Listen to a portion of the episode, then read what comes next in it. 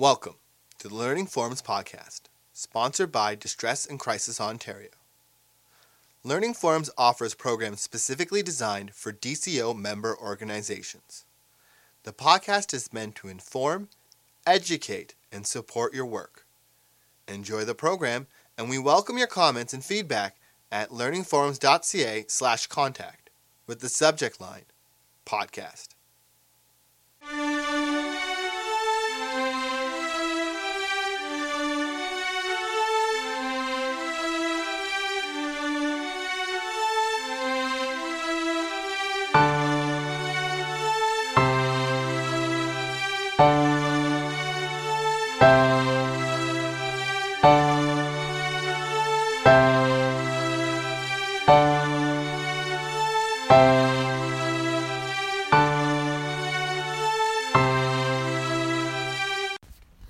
There, my name is Brenda, and I'll be your host for this week's episode.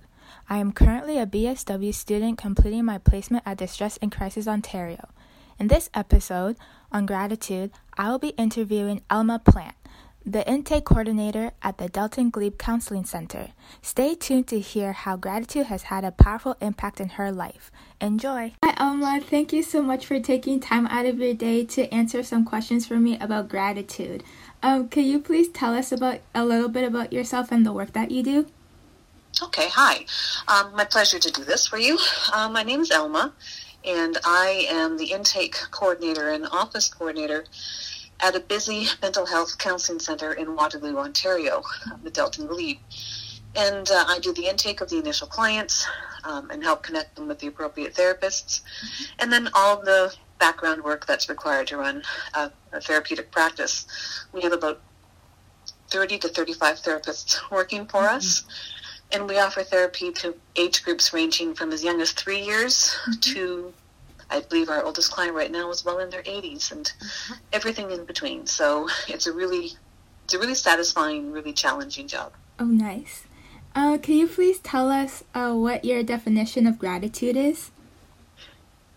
I've been thinking about that an awful lot. Mm-hmm. I think it's an awareness of blessings. Mm-hmm. Um, it's more than thankfulness. Um, I think it's just genuinely knowing um, the things in your life that are worth celebrating. Mm-hmm. Um, the people in your it's it's more people, moments, situations. Mm-hmm. Um, and gratitude is an awareness of the things that are beautiful around you. I like that definition. Thank you. And what are the benefits of gratitude? I find that gratitude gives me strength, um, particularly in challenging times. Mm-hmm. Um, if I can cultivate an attitude of gratitude, it keeps my perspective healthier Mm-hmm. Um, there have been moments in my life that have been truly difficult and overwhelming. Um, but even then, if you can search for a moment of gratitude and find the things that you can say that inner thank you for and that you mm-hmm. can celebrate, um, it does lift the heaviness. Um, it's never always sunshines and rainbows, but mm-hmm. there should always be something in our hearts that we can be grateful for. Yeah, that's so true because life does come with challenges, but it's great to know that with gratitude, we can use that as a source of strength.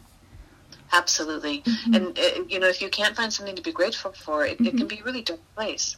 Yeah. Um, you know, and, and sometimes you might have to find something very little. You know, I'm mm-hmm. grateful for the flower that I saw. I'm, I'm grateful for yeah. the air that I can breathe. Mm-hmm. Um, some days are you know that that's your list uh, and there's other days where you have such an overwhelming sense of gratitude that mm-hmm. um, it just carries you. Yeah. So, how do you think we can cultivate gratitude in our lives? I think it's a practice. Um, mm-hmm. Um, it's something that we learn to do. With you know, we, we, we teach children manners, please yeah. and thank you, and we've all seen those kids who are saying thank you for things that they're not really thankful for. You know, that really mm-hmm. horrible Christmas present that they, they don't want to thank grandma for. Yeah. But we still teach them it's polite to say thank you. Mm-hmm. Gratitude is more than saying thank you. Uh, gratitude is understanding that you have this thing that you don't necessarily deserve. Mm-hmm. Uh, I think sometimes people might also call that grace. Yeah. Um, I didn't deserve being born in Canada. Um, mm-hmm. I didn't do anything to earn that, but I am deeply grateful for it. Mm-hmm. Um, I am a grandmother. I have, you know, 10 grandchildren. Oh, wow. I am beyond grateful for that, Uh-huh. you know, um, those little people, what they've brought into our lives. Um, but it, it's something you need to look for. I don't think gratitude is naturally coming to us. I think it's Mhm. something we learn. Yeah. And as we teach it to children and as we teach it to ourselves and as we practice it and we are intentional about it, Mhm. it does become more habitual for us. Mhm. That's true. And so, how do you think gratitude can help us during these COVID times? It changes our thinking. If we can very intentionally, at the end of the day or at the beginning of the day, take that moment to find one thing to be grateful for. Mhm. Um, I remember when we were parenting, you know, we would go around the dinner table with the kids and what's, you know, what's the one thing that you're really grateful for? Um, and, and not just on Thanksgiving, you know, but to make it a daily practice yeah. um, that at some point during the day, you're shifting your thinking away from increased infection rates, increase this, bad Mhm. this, to what was amazing today? What was something that I could say, wow, I'm deeply grateful that I heard it, saw it, experienced it, felt it, Mhm. um, whatever the experience might have been. Um, take the time to find it and to remember it and to cherish it. Yeah. I know that you've spoken a little bit about this so far, but how has gratitude impacted this? Slash, do you have an experience with gratitude that you want to share? Um, gratitude. Oh, it, it- it's hard to describe. It's a practice that I adhere to. Um, Mhm. and there, there's just moments. Uh, well, we can, I, even today, I, I had the opportunity today to hold my five-month-old grandson as he was Aw. sleeping. Um, and that's it. It's the awe and to look at the little face, you know, Mhm. all wrapped up, his absolute trust in me that I, his Oma, had him. He was loved and he was safe Mhm. just an overwhelming moment of gratitude. Kind of like, thank you that I can be here to hold you in these moments and that you feel safe in my arms.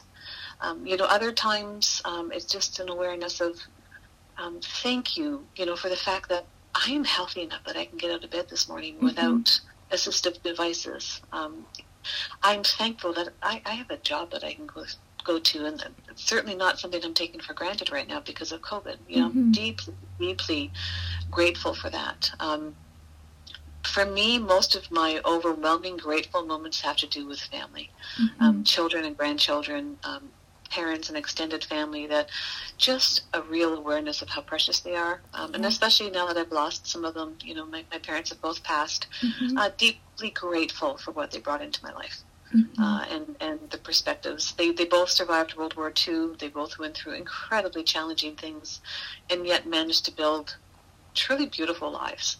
And Mhm. I'm deeply grateful for what they did. Oh, I'm glad to hear that. Is there anything else that you'd like to add that we did not touch on?